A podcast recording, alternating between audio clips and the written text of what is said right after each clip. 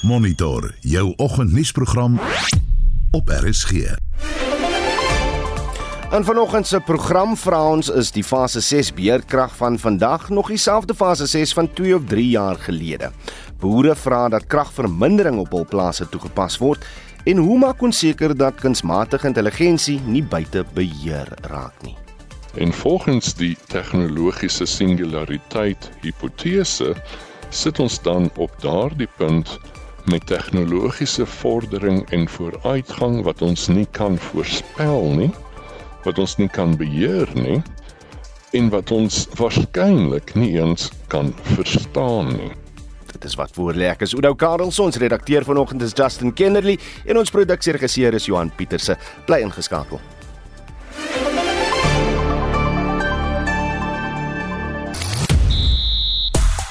Die vroue bokspan herstel na 'n stadige begin by die wêreld sewe uitdaging reeks. Faf du Plessis herinner Cricket Suid-Afrika van sy waarde en Jaco Alers neem die voortou by die Sonskyn reeks se toerkampioenskap. Ek is Shaun Schuster vir RSG Sport. Eid Mubarak is 'n hit wat wêreldwyd gedeel word. Dit is vandag die laaste dag van Ramadan op die Moslem kalender en dit is ook die dag waarop die vas gebreek word. As jy dit nog nie het nie, dink jy seker daaroor. Waarvan praat ek? Wel, al meer Suid-Afrikaners doen huiswerk oor die aankoop en installering van sonpanele om die impak van beerdkrag te verminder. Nou wil ons weet, het jy jou breekpunt bereik en besluit om sonpanele aan te koop of besluit jy nog hieroor?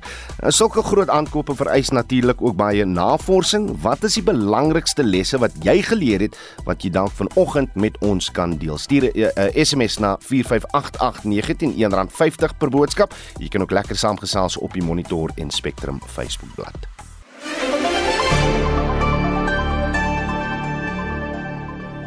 Dis presies 11 minute oor 6. Die volgende verslag bevat inligting en beskrywings wat mense kan ontstel. Die gemeenskap van Whiteville in Soweto vrees dat nog kinders in gevaar kan wees na die beweerde Muti-moord op twee seuns. Die seuns van 5 en 6 jaar oud se liggame is donderdagoggend gevind nadat hulle vroeër as vermis aangemeld is. Tiamu Ndlovu en Kobizita Zulu het Woensdag in Tokoza Park gespeel voordat hulle vermoedelik ontvoer is. Die 5-jarige seun se ma, Nomtanzanu, het vir ure aan een na haar kind gesoek voordat sy liggaam gevind is. She says she wanted to see if it's a child or not. When they finally showed her, she says he looked like an avocado that had been cut into pieces as they had removed some of his body parts. She says all that was left was the ears. And it was a very bad sight to see. 'n Lid van die gemeenskap se misdaadpatrollie, Pojan Kwaz, sê sy het al baie dinge gesien, maar niks kon haar op die gruisame ontdekking voorberei nie. She says they were patrolling in the morning when they got a message saying that there was a body of a child next to a school. The boy had been cut Then there was another alert in the Moroka area. There was a third one who escaped earlier this year. She says they found a body of a 19 year old, but they have never dealt with anything such as this one. And it's tough. 'n Gemeenskapsleier, Tebogo Smith, het ook sy skok uitgespreek. Yeah, what we've seen, it's really a tragedy because of it's not being long that they seen are almost the same, but the difference was the age because the girl was only 19. So this thing here disturb kakhulu. Die premier van Gauteng, Panjasa Lesufi, en die LER vir gemeenskapsveiligheid en van onderwys het die families vertroos. Volgens Lesufi help nog 'n seun wat oorleef het, die polisie in hul ondersoek. What has happened in this community, it's sickening. It's something that must not be tolerated. I've already issued instructions to the MEC responsible for safety to ensure that they hunt the perpetrators and to leave no stone unturned. It has been a painful and difficult exercise to lock eyes with family members of these two children. It has been a very painful exercise for them to try to explain to us what happened. There is no family that deserves to go through this pain. Die gemeenskap is nie net in rou gedompel nie, maar vrees ook vir hul eie kinders se veiligheid. Die verslag is saamgestel deur Paul Magubane en ek is Marlie Skeepers vir SAK nuus. Vrae word gevra oor die fases beerdkrag wat daagliks toegepas word. Sommige skerp oog Suid-Afrikaners meen fase 7 en selfs 8 is reeds toegepas. Ons praat nou met die kragkenner Corneel Skabort. Uh, Corneels, goeiemôre. Môre Oudo. Luister meneer, Eskom praat deesdae al hoe meer in hul medieverklaringe oor beerdkrag gekoppel met kragvermindering of soos hulle in Engels sê power curtailment. Dis Eskom net besig om ons rad voor die oor te te draai. Wel, daar's twee kante. Daar's amptelike beerdkrag en ek verstaan wat Eskom sê en dan is daar 'n bepaalde formule wat hulle gebruik om te sê soveel elektrisiteit word dan op sekere areas afgeskakel.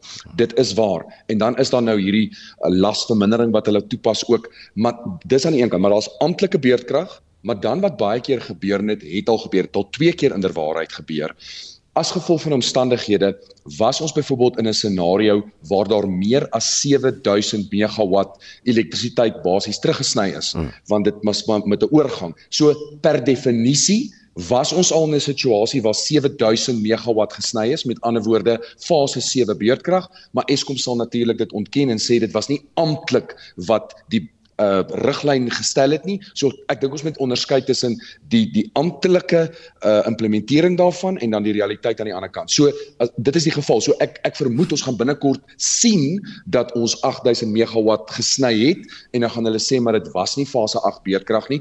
So ek dink nie is 'n rad voor die oë nie. Ek dink dis maar net die realiteit van wat ons sien kan, kan ons net makliker kommunikasie van van uh, Eskom afkry nie. Want, want of dit nou curtailment is of vermindering soos ons sê of beerkrag, die krag word afgesit. Uh, inderdaad. En ek dink dit dit is daai punt so hulle sien dit vanuit hulle uh, oogpunt sien hulle daar sekere verbruikers. Hulle is dan nou mense wat goedkoper elektrisiteit by Eskom kry. Dit word dan nou so onderhandel, maar in ruil daarvoor hmm. mag Eskom dan vir hulle op kort kennisgewing sê, luisterie, sit af. So dis waar, maar ek weet nie of die publiek noodwendig daarvan weet nie. So ek dink as die publiek net weet, dan maak dit dalk bietjie makliker. So daar is sekere industriële vennote van Eskom wat op 'n baie kort kennisgewing afgeskakel kan word en dit is dan nou hierdie lasvermindering en aan die ander kant is daar die amptelike beerdkrag en dit raak die Suid-Afrikaners en dit word amptelik gekommunikeer. Maar jy's reg, dit maak dit dalk minder uh hoe sal ek sê as jy byvoorbeeld nou op Twitter sien dit is die hoeveelheid elektrisiteit wat opgewek word en dit is die hoeveelheid wat benodig word en dan doen jy die somme en dan is dit presies wat gebeur dan hmm. sê mense maar hierdie rym nou nie lekker nie iets is hierso nie lekker in terme van die beurtkragskedules nie en dan dink ek lei dit tot verwarring onder die publiek. 'n uh, uh, Twitter gebruiker het die punt gemaak nou die dag uh, dat ons as verbruikers eintlik meer bydra tot Eskom se probleme as wat ons dink en, en die punt wat gemaak is is dat uh, omdat ons omskakelaars en batterye herlaai sodra die krag aankom, hmm. uh, plaas dit meer druk op Eskom. Tepen Piet. Nou weer eens, ja. Uh, daar's daar's bietjie waarheid daarin. Wel, daar is waarheid daarin. Dit hang af wat is jou uh, samestelling van jou opwekkingsoplossing. As jy 'n omsetter het en jy het batterye en jy het sonpanele en jou batterye word herlaai deur die son, dan help jy die stelsel. Want hmm. dit beteken die las wat jy dan het op die totale netwerk is laer. Nou die probleem kom in en dis maar baie dieselfde as wat mense hierdie Jojo tanks oral installeer. Dis dis dieselfde konsep. Jy moet weet, ons is nie besig om tans in 'n situasie te verkeer waar ons sit met surplus elektrisiteit nie. Ons pas beurtkrag 24/7 nou al vir omtrent 100 dae plus uh, word dit toegepas met die uitsondering van 2 dae. Uh, die, die feit van die saak is dat as daar dan 'n tekort aan elektrisiteit is en nou gaan die krag aan, elektrisiteit is nou weer beskikbaar en jy trek nou daardie kilowatture van die netwerk om jou batterye vol te maak in ter voorbereiding van 'n volgende fase, ja, dan beteken dit die elektrisiteitsverbruik in daardie periode waar jou gebied elektrisiteit het, beteken daar's meer verbruik wat daarso plaasvind en dit is dan elektrisiteit wat Eskom nie het nie. So in 'n scenario, Oudo, waar die oop siklus gasturbines nie bedryf word nie, waar Eskom letterlik moet terugsny omdat hulle te veel elektrisiteit het. Ek weet dis 'n baie idilliese situasie wat ons nie nie regtig sien deesdae nie. Maar as dit die geval is, dan sal mense wat omsetters en batterye alleenlik het, dan sou dit help, want dan beteken dit daardie mense kan daardie batterye herlaai in tye wat daar surplus is hmm. en dit dan gebruik op op ander tye. En, en dit beteken Eskom maak geld. Maar dit is nie die scenario waarin ons tans is nie, Oudo, en dit beteken dat ongelukkig en ek neem nie die verbruikers kwaadlik nie. Ja. Dis mense wat 'n plan maak, maar dit het ongelukkig dan daai mate tot 'n negatiewe impak op die totale netwerk. Ek hoor jou. Kom ons keer terug na die groot vraag. Is vandag se fase 6 beheer terug dan dieselfde fase 6 van 'n jaar of 2 terug? Wel, Oudo, dis baie kompleks. Ek dink jy het 'n PhD in wiskunde nodig om hierdie skedules te verstaan. Ehm um, want ek vat fase 6 is 6 keer in 48 uur 2 ure en 6 keer in 48 uur 4 ure. So dis 36 uur in totaal. Ek dink mense moet dit ook verstaan, baie keer is dit 2 ure, baie keer is dit 4 ure. En ek dink wat weer eens gebeur is, daar's die amptelike mm. skedule, maar nou moet jy onthou Daardie stadsingenieur, hy moet ry, hy moet gaan na die substasie, hy moet dit aanskakel. Ek bedoel, daan Potchefstroom ek het gereeld beleef. Dis so half asof jy verniet bly word. Jy weet die krag moet 8 uur afgesit word en dan kwart oor 8 dan glimlag jy nog en jy sê o, dankie, ons word gespaar vandag, ons is oorgesien en die volgende oomblik kwart oor 8. So ek, ek jy, jy hoor wat ek sê, so baie keer daai gebeur nie en dan partykeer gebeur dit ook. Jy, jy het al van luisteraars gehoor, dit is net soos hoekom het ons nie gisteraan beerdkrag gehad nie en dan dit het nou maar net gebeur. So ek dink daar is daar partykeer probleme en aan die ander kant is waar jy sit met infrastruktuur wat in mekaar tuimel en dan beteken dit die elektrisiteit bly langer af as wat dit moes afbly omdat die substasies nie weer in, in werking gestel kan word nie en dit skep probleme. Maar as ons vinnig net kyk, fase 6 is 36 uur, fase 7 42 uur en fase 8 is letterlik 4 ure op 'n slag, 3 hmm. keer 'n dag. Dis dis letterlik 12 ure 'n dag wat dan elektrisiteit gaan wees nie. Cornelis, ek moet jou vra. Ons elektrisiteitsminister het iets baie kommerwekkend gesê hierdie week. Hy sê een van die oorwegings waarmee die regering sit voor ons die wintermaande betree, is om ons geysers te begin afskakel. Hy sê daar is om en by 8 miljoen geysers in Suid-Afrika geïnstalleer wat hulle van 'n sentrale kontrolepunt by die stadsraad kan aan en afsit. Nou daardie is inderwaarheid ek het dit al beleef in Mosselbaai. Hulle het sulke interessante metertjies met 'n groen liggie. En dan wat gebeur is die elektrisiteit sal aankom, maar dan die die geyser spesifiek kan nie daar aankom. Dit kan sentraal beheer word. En daar is voordele daaraan as die munisipaliteit so iets kan doen, want dan beteken dit Eskom kan dan bietjie die mense mense noem dit eintlik lasverspreiding. Jy jy skuif jou las dan eerder na tye toe wat daar minder elektrisiteit nodig is. So ek, ek, ek dink daar's definitief uh sin daarin om dit te doen. Jy gaan op die einde van die dag onthou 'n uh, geyser is tog vir 'n langer tyd as 'n uur warm. Mm. Jy gaan net op 'n ander tyd warm maak en gebruik. So daar is definitief dis iets wat eintlik implementeer moet word en ek weet in 'n munisipaliteit soos uh, Mosselbaai word dit reeds daarso uh, baie suksesvol implementeer en en ek weet dis goed. Jy moet nou net nie 18 mense gelyktydig laat stort in 'n tyd wat jou geyser nie aan kan kom nie. Dan goed. gaan jy koud stort, maar ek bedoel dat jy gelukkig die see. So ja, dit is nou maar ongelukkig dit, maar ek dink dit is 'n goeie ding Oudo en dit word gebruik en dit help om die las te skuif. Dit maak nie meer elektrisiteit nie, beteken net ons geysers word warm na ure wanneer daar surplus is moontlik. En dit was die kragkenner Corneels Skabort. Nou daar is tans geen einde in sig vir die land se kragprobleme nie. Derhalwe begin al meer mense die opsies oorweeg om sonpanele en batterye te gebruik om hul ligte aan te hou. Is egter nie so eenvoudig as om jou eh, chequeboek uit te haal en die eerste beste opsie te kies nie. Christian Hatting is die bestuurshoof van AW Power. Hy is op die lyn. Uh Christian, goeiemôre. Goeiemôre, goeiemôre luisteraars. Hoe goed is besigheid tans?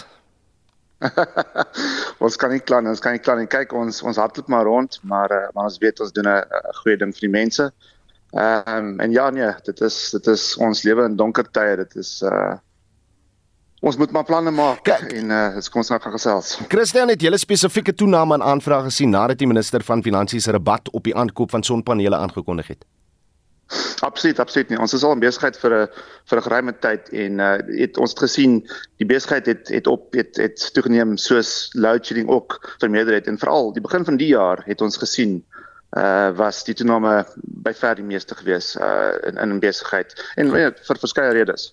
Reg, uh, begin mens met batterye en 'n omskakelaar of met sonpanele want op Facebook vra 'n luisteraar Bobby Mitchell, is dit nie moeite werd om te begin met twee sonpanele om druk te verlig? Sal mens bietjie spaar op die kragrekening? Baie baie goeie vraag. So dit als uh, dit als hang af van die begroting wat uh, iemand beskikbaar het. So ons voorstel is altyd om te sê, weet as jou begroting nie laat nie, kyk, uh, die belangrike punt wat mense moet oorweeg is uh, ons wat nou in stad Kaapstad byvoorbeeld nou bly, uh, ons moet nou aan die reëls en regulasies uh dit moet ons nakom wat wat hulle vir ons voorgelê het in terme van as jy nou sonkrag ook nou oorweeg, moet jy seker maak dat wat ook al omskakelaar en uh, jy gaan of uh, geïnstalleer het, dit is op hulle lys van van omskakelaars wat toegelaat word. Dis 'n baie belangrike oorweging hmm. wat wat baie mense dalk miskien miskyk. Nou dit beteken natuurlik ehm um, so as jy nou jou langtermynplan nou voorlê en jy sê vir jouself, okay, ons het nou soveel uh, begroting om te spandeer op op 'n stelsel, ons wil graag sonpanele insluit later van tyd.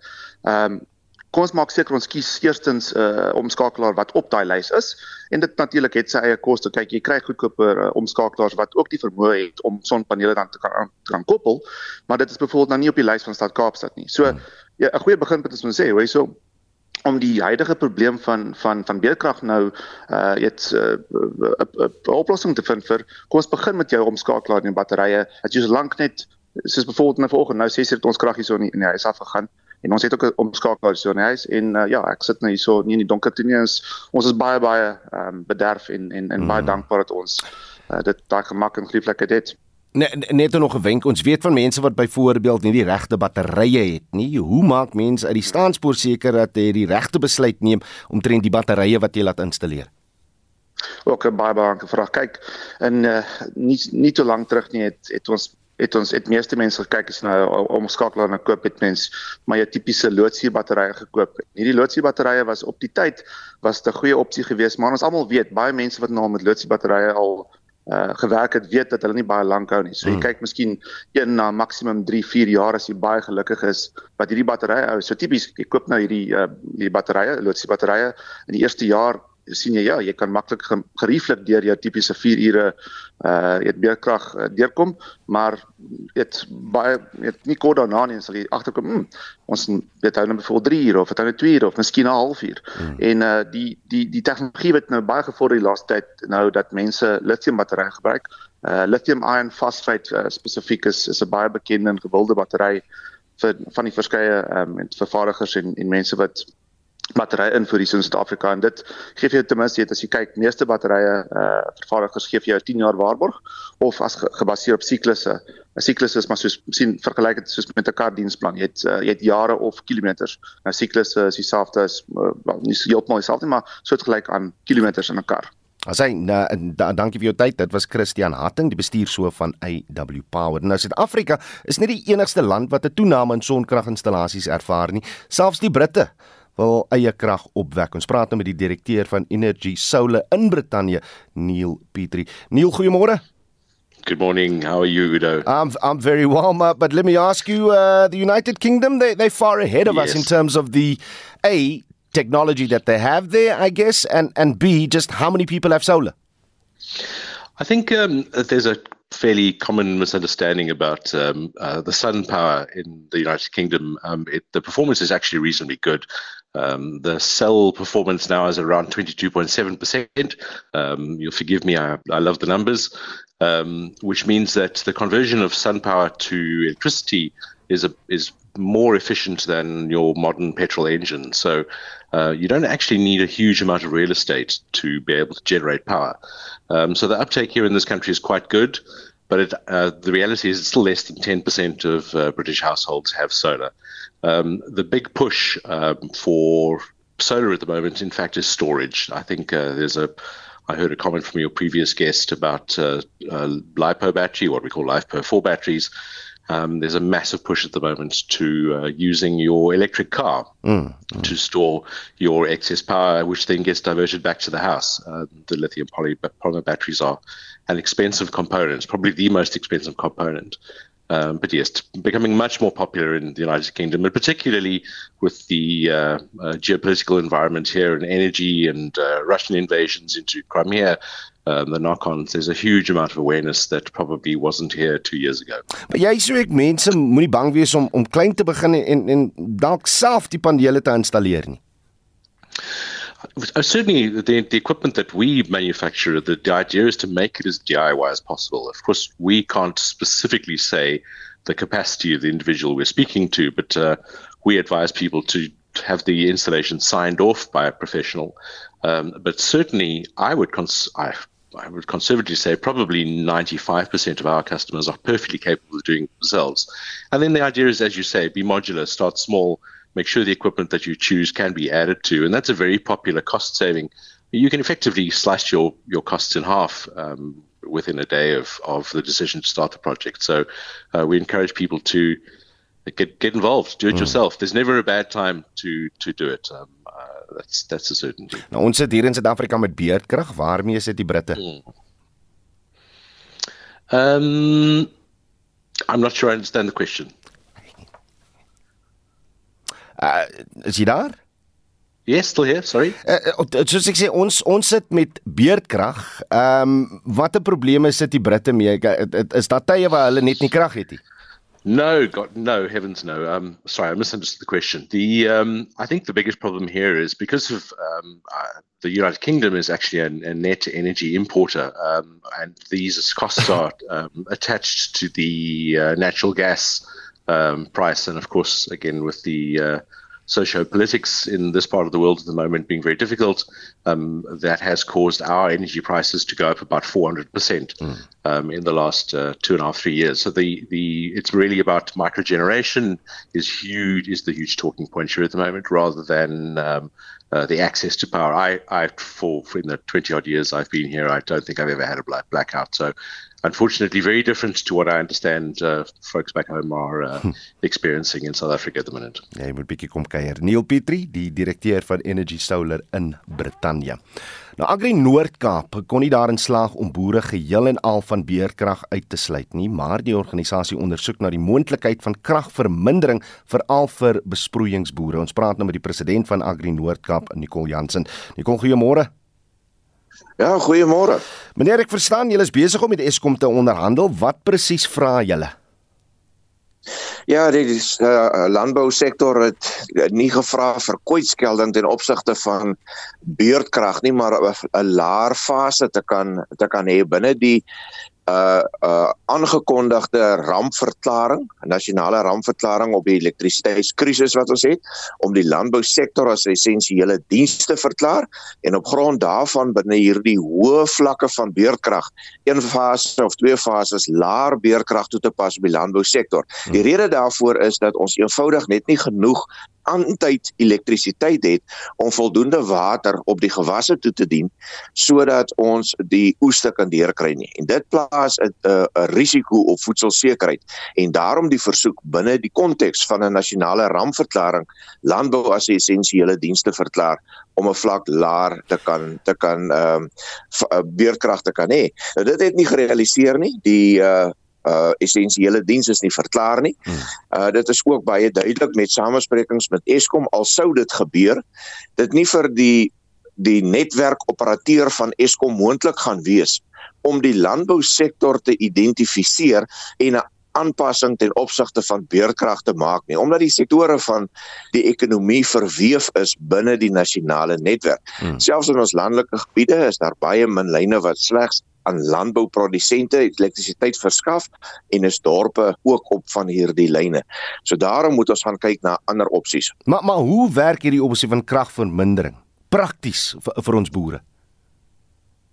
Ja, so so die landbousektor moes gaan gaan kyk wat is goedgekeur binne Nersa. Wat is 'n alternatief vir beurtkrag en en en dit is dan makliker om dit te implementeer as om iets nuuts te ontwikkel en weer deur Nersa uh, goedgekeur en gereguleer te kry. So uh kragvermindering of in Engels is dit nou load curtailment uh is wat die myne byvoorbeeld uh op is is 'n stelsel waarvoor jy kan aansoek doen of 'n pakket by Eskom waarvoor jy kan aansoek doen binne hierdie ehm um, uh uitdaging wat Eskom het om voldoende elektrisiteit op te wek. En dit beteken dat jou krag dan nooit af is nie. Jou krag bly aan, maar binne elke fase van beurkrag moet jy 'n sekere persentasie elektrisiteit bespaar, soos wat Eskom dit dan nou regkry deur die toepassing van beurkrag.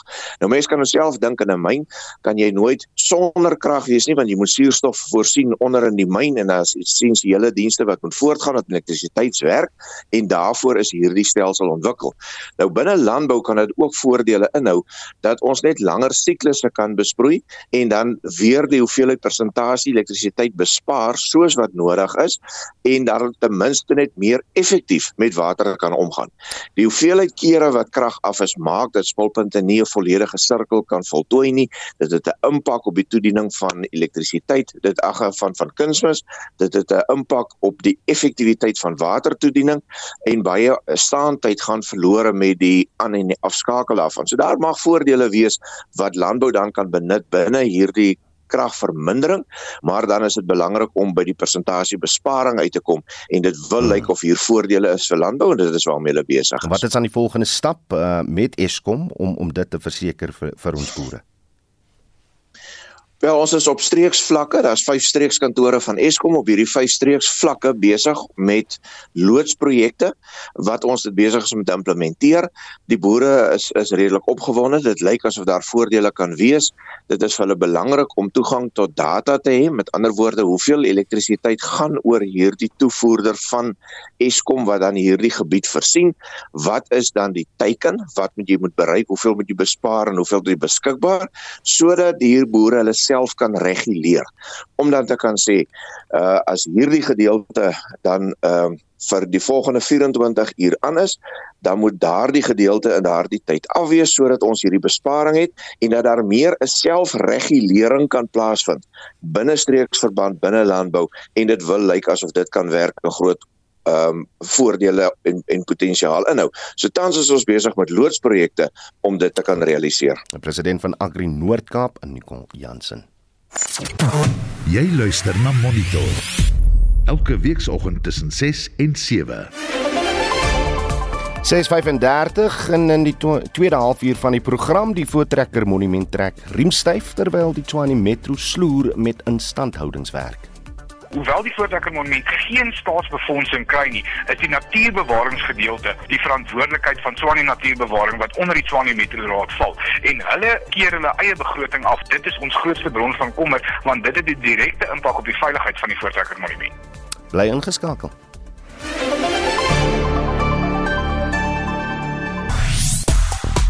Ons hoop ons gesprek oor die aankoop en installering van sonpanele uh, het nou 'n bietjie gehelp dat jy julle opsies goed kan uitoefen, maar ons wil weet vanoggend het jy jou breekpunt bereik en besluit om sonpanele aan te koop of uh, besluit jy nog daaroor en uh, Ja, wat is die belangrikste lesse wat jy geleer het uit die proses in die aankoop wat jy met ons wil deel vanoggend?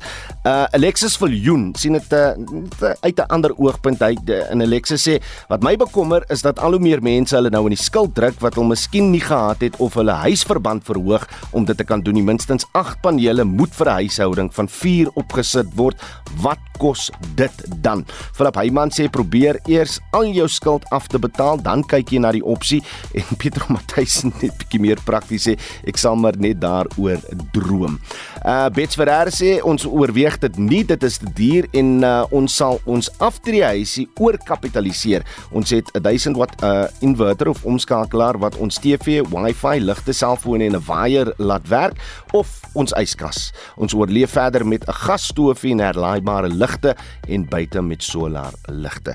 Wat is jou storie? Wat is jou ervaring? Watter wenk kan jy met ons deel? Stuur die SMS na 45889 teen R1.50 per boodskap en praat saam op die Monitor en Spectrum Facebookblad. Sportheid nou met Shaun Jooste môre Shaun. Goeiemôre Oude. Nogal baie rugby aan die gang op die oomblik en wat 'n belangrike naweek vir Suid-Afrika is. Ja, ons vroue bokspan neem op die oomblik aan die wêreld sewe uitdager toernooi in Stellenbosch deel. Nou hulle dag 1 so effe stadig begin met 'n 7 elk gelyk op uitslag teen Tsjechië, maar daarna vir Mexico met 36-0 afgeronsel. Hulle speel vanoggend 10 oor 11 teen Madagaskar en hooplik daarna in die kwartfinale ons weet Suid-Afrika poog om vir die wêreld sewe se reeks te kwalifiseer. Dan die vir in die Verenigde Rugby Kampioenskappe draf die Stormers vanaand half 7 op die uh, Dani Kruiven Stadion in Stellenbosch teen Benetton Trevisa op die veld. Hy het goeie nuus vir die Stormers. Dion Fourie sal sy terugkeer in die kwart eindronde maak. En uh, vir die Bulls en Sharks is oorwinnings die naweek oor Leinster en Munster baie belangrik om net 'n kans te staan om vir die Kampioenebeker te kwalifiseer. Dan oor na die Curriebeeker reeks. Daar is vandag twee groot wedstryde wat voorlê. Die Cheetahs en Haie takel mekaar vanmiddag 03:30 in Bloemfontein en die Pumas en WP mekaar 05:30 in Nelspruit. Die Protea-keerders of oftewel die afrigter van die span kan eenvoudig net nie vir Faf Du Plessis miskyk nie. Sekerlik. Ja. Ja, nee, verseker. Uh, Royal Challengers Bangalore het Punjab Kings gister met 24 lopies gehelp nou die voormalige Protea kaptein Faf Du Plessis het 84 lopies van 56 balle gemoker. Dit is sy 4de 50-tal in vanjaar se reeks. Hy is ook die voorste lopiemaker. As ons kyk daar, hy staan op 343 lopies in 6 golfbeurte en dan is hy ook bo aan die lys vir die meeste sesse. Hy 23 sesse aangeteken. So ek is seker daarvan wanneer enige T20 spanlys opgestel word, moet moet vir Afto Plessis een van die eerste name op daardie lys wees. En uh, die Delhi Capitals en die Kolkata Knight Riders ook met vier paadjies getroof met Chennai Super Kings en Sunrisers Hyderabad pak mekaar vanmiddag 4uur. Reg, vertel ons wie het na die Europese Sokkerliga se half-eindronde deurgedring sonder om sarkasties te wees oor Manchester United asseblief uh, Juventus en Roma van Italië deurgedring, so ook by Leverkusen van Duitsland en dan Sevilla van Spanje. Nou het Manchester United uh, gisterand met 3-0 uitoorlê.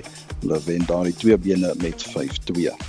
En met baie op die spel vir die deelnemers aan die Sonskynreeks se toerkampioenskap, hoe staan sake na die eerste ronde, Shaun? Suid-Afrikaanse Jaco Anders is die voorloper na die eerste ronde. Hy staan op 6 onder en soos jy sê, daar's baie op die spel. Op die spel totale prysgeld van 2 miljoen rand en die voorloper op die Merite lys na die toernooi kry ook vrystelling tot twee groot majors, dis die 151ste Ope Kampioenskap, asook die Amerikaanse PGA Kampioenskap en ook lidmaatskap tot die DP Wêreldreeks en daar is ook Bitcoin ter waarde van 500 000 rand wat wag. En dit was Shaun Jooste van RSG Sport. 'n Herrie het in Indië losgebars nadat die regering besluit het om geen stappe te neem teen soldate wat in Desember 2021 14 burgerlikes in die noordoostelike Nagaland deelstaat gedood het nie. Anita Visser het die volgende verslag saamgestel. Nagaland lê naby Myanmar en het 'n komplekse geskiedenis wat terugstrek na die Britse koloniale tydperk toe. Dit was die Britte wat verantwoordelik was vir die sogenaamde Armed Forces Special Powers Act om enige opstande teen Britse beheer te vnuik. The Armed Forces Special Powers Act in India was brought in during British colonial times. It was an act that was brought in to curb armed insurgency. What it does is it enables the military to be deployed into issues of internal conflict. Vandag sit gewone Indiërs met die gevolge daarvan. In die land se politici is niks lus om die wet te herroep nie weens die beheer wat dit hulle gee in ander gebiede soos Kashmir wat polities erg woelig is. In Desember 2021 het 6 steenkoolmynwerkers met hulle lewens betaal vir die weermag se ondeurdagte optrede, vertel Minakshi Ganguly, hoof van Human Rights Watch se Suidoos-Asiese streek. There was a group of miners that were returning in a pickup truck and our military convoy saw this truck and for some reason it decided that they were all insurgents and opened fire and killed six people. Dit was egter nie net mynwerkers wat dood is nie. Later dieselfde week het gevegte tussen die polisie en die streek se burgerlikes gelei tot die dood van 8 mense. Die groter konteks is dat verskeie inwoners van Nagaland onafhanklik van Indië wil wees wat ongedissiplineerde soldate neuroties benoud het. India won independence in 1947. This law has remained in force. There are still groups in Nagaland that want a separate state. And what we say is that this law, which is a colonial era law, has no rights protection, offers widespread powers to the military. In particular, it should be repealed because it provides immunity to soldiers from prosecution for any kind of excesses and rights violations. In Junie verlede jaar het die Indiese polisie sake teen 30 soldate aanhange gemaak en 'n spesiale ondersoek het bevind dat die aanvalle teen die mynwerkers ondeurdag was. Die jongste verwikkeling is dat die Indiese regering weier om toestemming te verleen vir enige vervolgings teen die weermag. Dit ten spyte van druk vanuit verskeie oorde, selfs die Verenigde Nasies. The Indian media has repeatedly supported this. This is a campaign that has been going on for a number of years. There have been numerous Indian commissions of experts that have called for the repeal of this law. There are UN mechanisms that have recommended the repeal of this law. This is a debate that has been going on for a long time, and it is time for the Indian authorities to now act. Dit dan Minakshi Ganguly, hoof van Human Rights Watch se Suidoos-Asiese streek wat vanuit Delhi met my gepraat het. Ek is Anita Visser vir Monitor. Die Tshwane Metro is 'n remskoen vir die Voortrekker Monument in Pretoria. Noodsaaklike noodsaaklike opgraderings aan die monument grensdrade is die afgelope 3 jaar nie gedoen nie wat sy finansies onder druk plaas. Ons praat nou met Dr. Dani Langner, die besturende direkteur van die Voortrekker Monument. Dani, goeiemôre. Eh, goeiemôre. Wat behels die opgraderings en instandhoudingswerk aan byvoorbeeld die grensdrade wat eenvoudig nie gedoen word nie? Die Voortrekker Monument het baie groot begrip vir die uitdagings wat die Swanet Starsaat tans in die gesig staar, maar die realiteit van die Voortrekker Monument is dat ons eintlik 'n plaas is tussen Pretoria en Gauteng. Ons het 341 hektar veld natuurreservaat rondom ons en dit is net nie moontlik vir 'n gemeenskapsorganisasie soos die Voortrekker Monument om hierdie terrein behoorlik te kan beveilig as die heininge nie in plek is nie. So ons doen alles wat ons kan. Ons het 'n uh, eh, die veldpatrollies, perdepatrollies, ekstra wagte, sekuriteit, kameras, maar wat ons van die uh, Tshwane Metro vra is, help ons om hulle verantwoordelikheid na te kom om die wildsuinings reg rondom die natuurreservaat um ook dan te vervang. Wat watter gevare hou dit in? Dit seker voor hier aan liggend, maar verduidelik net aan die luisteraars, watter gevare hou dit in as hierdie werk nie gedoen is nie? Uh, ek dink tweeledig. Die eerste ding is um, ons moet onthou dit is 'n natuurreservaat. Ons het heelwat wild in die natuurreservaat en ons is weekliks besig om strikke in die veld op te ruim waar hulle om om wild te vang. So ons wil ons wild beveilig. Ek dink dit is die doel van 'n natuurreservaat, maar ook in die natuurreservaat is daar talle stappaadjies, bergfietspaadjies en ons wil graag hê dat ons gaste, ons besoekers veilig in die veld moet wees. En dit is nie moontlik as die die heininge nie behoorlik in plek is nie. En, en wat sê die metro? Um, ons het baie goeie samewerking tans met die metro. Ons het uitstekende raadslid in die persoon van Shaun Wilkinson. Ons het maandag met hom vergader. Ons het 'n petisie aan hom gestuur en ons vergader vandag weer met Shaun om hierdie situasie vorentoe te neem. Ek dink ook van die metro se kant af in die lig van um, die nuwe burgemeester meneer Celee Brink se uitnodiging dat hy graag 'n memorandum van ooreenkoms wil sluit met gemeenskaporganisasies om die stad vorentoe te neem, is ons baie positief dat ons 'n oplossing vir hierdie probleem probleme gaan kry. En ek sien julle loop boonop ook uh, deur onder kabeldiefstal. Is dit ook as gevolg van hierdie uh, uh, grensdrade? Uh, nee, dit is nie as gevolg van die grens daar nie. Ek dink dit is die geval is daar dit is baie gemeenskappe loop deur onder kabeldiefstal, maar wat ons wel sê is dat daar 'n oplossing moet kom om hierdie ding voorkomend aan te spreek, want die realiteit is die elektrisiteitsrekening van die voortrekker monument is maandeliks tussen 250 en 300 000 rand en ons betaal dit. Maar as daar kabeldiefstal is soos wat nou twee keer 'n jaar gebeur het dat ons 7 dae sonder krag is, moet jy ekstra 100 000 R1000 bytel vir kragopwekkers se uh, diesel en en en brandstof en en dit is net nie moontlik vir 'n gemeenskaporganisasie wat nie 1 sent staatssubsidie kry om hierdie rekeninge te kan betaal as ons nie 'n voorkomende oplossing kry nie. Dr. Dani Langner, dank vir u tyd op monitor. Hy is die besturende direkteur van die Voortrekker Monument. Die vermoëns van kunsmatige intelligensie hou nie op om te verstom nie. Met 'n weergawe van KI wat nou tot die beskikking van die algemene publiek is, dit is nou ChatGPT, uh kry elkeen 'n kans om vrae aan die robot te stel. Sommige sê hierdie soort ro robotte se antwoorde is soms oortuigend, maar eintlik net nonsens. Maar in ander gevalle is KI besig om wetenskaplike deurbrake in 'n oogwink te maak wat mense dekades sou geneem het. Navorsers by Carnegie Mellon Universiteit in die VSA het gewys dat 'n nuwe weergawe van KI, GPT-4, die prosesse om nuwe chemiese verbindings te skep kon uitwerk en selfs ook die prosesse om hierdie nuwe verbindings op 'n industriële skaal te vervaardig. Daar word ook weekliks berig oor nuwe behandelings wat KI vir siektes ontwikkel.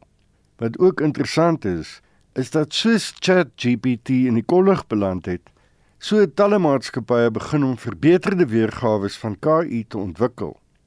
Maar sê Johan Foster, die hoof van die fakulteit van inligting en kommunikasie tegnologie by die Onafhanklike Instituut vir Opvoeding, die dag sal dalk kom dat KI so gevorderd is dat hy homself sal kan verbeter. En dit is die KI singulariteit. Dit laat hulle dan toe om vooruit te gaan met verbeterings sonder dat hulle ons daarbey hoef te betrek. Die masjiene kyk dan na hulself, bepaal hoe hulle hulle self kan herprogrammeer of beter weergawe van hulle self bou en gaan voort om dit te doen. Nou wanneer dit gebeur, sit ons dan met 'n weghol reaksie. Ons sit met 'n terugvoerkring waar die tegnologie sonder ons voortgaan en beter word, vinniger word en meer intelligent word. En volgens die tegnologiese singulariteit hipotese sit ons dan op daardie punt met tegnologiese vordering en vooruitgang wat ons nie kan voorspel nie, wat ons nie kan beheer nie en wat ons waarskynlik nie eens kan verstaan nie. Maar dit is nie net onderleke dat onrus posvat nie. Die tegnologiese kenners van ons dag wil dan hê dat ons krities moet kyk na hoe ons ons kunsmatige intelligensiestelsels toelaat om ontwikkel te word. Wat is die veiligheidsmaatreëls wat ons in plek moet stel? Hoe moet ons die ontwikkeling daarvan verstaan? Hoe maak ons seker dat dit nie 'n weghol-reaksie word nie en dat dit veilig ontwikkel sodat ons dan hierdie uitkoms van 'n singulariteit wat onbeheerbaar is kan vermy. Foster sê ook toonaangewende tegnologiese denkers begin twyfel. Maar wat ons wel kan sê is dat daar genoeg tegnologiese kenners in ons wêreld bekommerd is oor die moontlikheid dat hulle nou 'n oop brief geskryf het om te vra dat alle regerings en alle maatskappye 'n moratorium plaas op die ontwikkeling van hulle kunsmatige intelligensiestelsels en dat die ontwikkeling van intelligente stelsels vir minstens 6 maande op ys gesit moet word sodat dit regerings, maatskappye, die sektor toelaat om te kyk na wat die beperkings is wat in plek gestel moet word, wat die regulasies is wat nodig is, wat die veiligheidsmaatreëls is wat nodig is sodat hierdie veilig kan ontwikkel word en nie 'n weghol probleem word nie. Dit was Johan Forster, die hoof van die fakulteit van inligting en kommunikasie tegnologie by die Onafhanklike Instituut vir Opvoeding. Ek is Hendrik Martin vir SAK nuus. Daar is van dese week berig oor die uitvinding van die stetoskoop meer as 200 jaar gelede. Derhalwe gesels dokter Willem Botha vanoggend onder andere oor stetoskoop. Willem is natuurlik die voormalige hoofredakteur van die Woordeboek van die Afrikaanse taal. Môre Willem. Môre Oudo. Jy weet soms wie, uh, word iets amper half toevallig uitgevind of, of of ontdek, maar meestal is die uitvinding die resultaat van jare se navorsing. Wat was die geval met die uitvinding van die stetoskoop? Oudo, die die aanloop tot die uitvinding van die stetoskoop was nogal ongewoon. René Laennec het die stetoskoop in 1816 by 'n hospitaal in Parys, Frankryk uitgevind. Aanvanklik het dit bestaan uit 'n houtsilinder en later was dit van staal gemaak. Nou as weet almal 'n stetoskoop is 'n mediese instrument of 'n gehoorbuis waarmee dokters na geleide in die liggaam vir al die hartklop en die asemhaling luister. Dan net hierdie stetoskoop uitgevind omdat hy ongemaklik daarmee was om sy oor teen 'n vrou se borskas te druk om na haar hartklop of longe te luister. Dit is waar alles vandaan kom. So dit is dan die antwoord op jou aanvanklike vraag, dan? Daar's hy. Nou ons het die woord uh, stetoskoop van Nederlands gekry wat vir die eerste keer in 1824 opgeteken is, 8 jaar na die uitvinding daarvan. Stetoskoop is 'n samestelling van Grieks stetos wat bors beteken en die ander Griekse woord is skopos. En skopos beteken 'n kyker of 'n waarnemer of 'n instrument waarmee gekyk of waargeneem word. So stetoskoop letterlik vertaal is waarnemer van die menslike borskas of instrument wat die menslike borskas waarneem. Die stetoskoop was soortgelyk uh, aan die sogenaamde oortrompet van daai tyd. En dit was 'n uh, trompetvormige gehoorapparaat wat jy teen die oor gedruk het om beter te kan hoor. Maar in daardie tyd is dit ook 'n uh, mikrofoon genoem. Dat die mikro van mikrofoon kom van die Grieks mikros wat klein of sag kan beteken. In hierdie geval beteken dit dan sag. Ehm um, en foon is fonos klank. So dis iets wat die klank, die sagte klank meer lyf gee. So is is 'n instrument om te luister na die sagte klanke uit die menslike borskas. Mikrofoon soos ons vandag gebruik beteken ook versterker van klank. En dan in Afrikaans is die samestellings met skoop nogal produktief behalwe uh, mikroskoop en ehm um, stetoskoop, dis 'n baie bekende een natuurlik die teleskoop. 'n Teleskoop is saamgestel uit Grieks tele wat ver beteken en weer die ander Griekse woord skopos wat uh, waarnemer, kyker of instrument waarmee gekyk word uh beteken. Dis natuurlik skopos is natuurlik afgelei van die werkwoord skopyn om te kyk.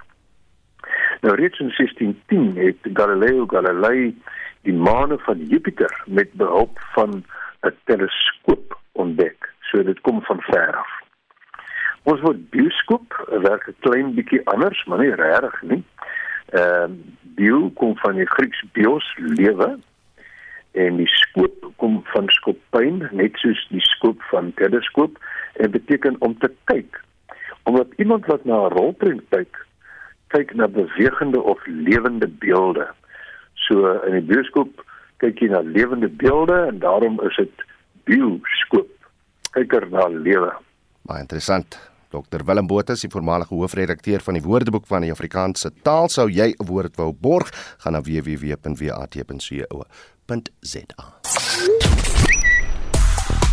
Elon is 'n hits wat wêreldwyd gedeel word. Elon Musk se Space SpaceX Starship, die kragtigste vuurpyl wat nog ooit gebou is, is in die suide van Texas gelanseer, maar het tydens fase 2 van die vlug ontplof. Onder die hits Elon is daar beeldmateriaal en fotos van die landering, maar nie van die ontploffing nie. Onder die hits Starship is daar wel beeldmateriaal van CNN wat die hele kortstondige vlug opgeneem het, asook die ontploffing. As hy nou vanoggend praat ons oor die installering en aankoop van sonpanele en batterye en so voort uh, en ons wil net weet het jy jou breekpunt bereik en besluit om sonpanele aan te koop en wat is jou wenke vir die wat nog dit moet doen. Uh, Karen Kleinhand sê nie almal kan dit bekostig nie, so ons sal maar net aanploeter in die duister. Alexa de Waal sê sal graag wou maar kan dit nie bekostig nie, wens die land wil net regkom. Chris Prins sê is al 12 jaar weg van die Eskom netwerk af kry ten minste 3 kwart installasies vir solar installasies sorg dat jy ten minste 5 kW inverter of omskakelaars soos hy sê en eh, twee loodsuur batterye wat in parallel gekoppel is installeer. Moenie die volle bedrag betaal voor die installasie voltooi is nie en gooi jou geyser en elektriese stoof weg. Vervang met gas. Uh dis nou die geyser en 'n gasstoof. En vra maar dat uh en Chris sê so die dames nie vroegoggend die haardroër te lank aanskakel nie. As jy net bedagskrag nodig het, kan jy meer panele opsit. Batterye is eintlik net nodig om yskaste, wifi en vrieskaste te laat werk in die nag en ligte snags te laat skyn. En dit is Chris Prins se wenke aan jou as jy 'n wenk of twee wil deel as jy nou begin dink daaraan om die sonpanele en die batterye te installeer. Laat weet van jou stuur 'n SMS na 4588919 R50 per boodskap en jy kan ook lekker saamgesels soos hierdie luisteraars gedoen het op ons Monitor en Spectrum Facebook bladsy. Onthou vorige uitsendings van Monitor is op RSG se webblad as 'n potgooi beskikbaar. Gaan net na www.rsg.co.za. Ons groet dan namens ons uitvoerende regisseur Nicoline de Wee. Die redakteur vanoggend is Justin Kennerly. Ons produksieregisseur is Johan Pieterse en ek is Oudo Karelse. Geniet die res van die dag aan die geselskap van RSG. Totsiens.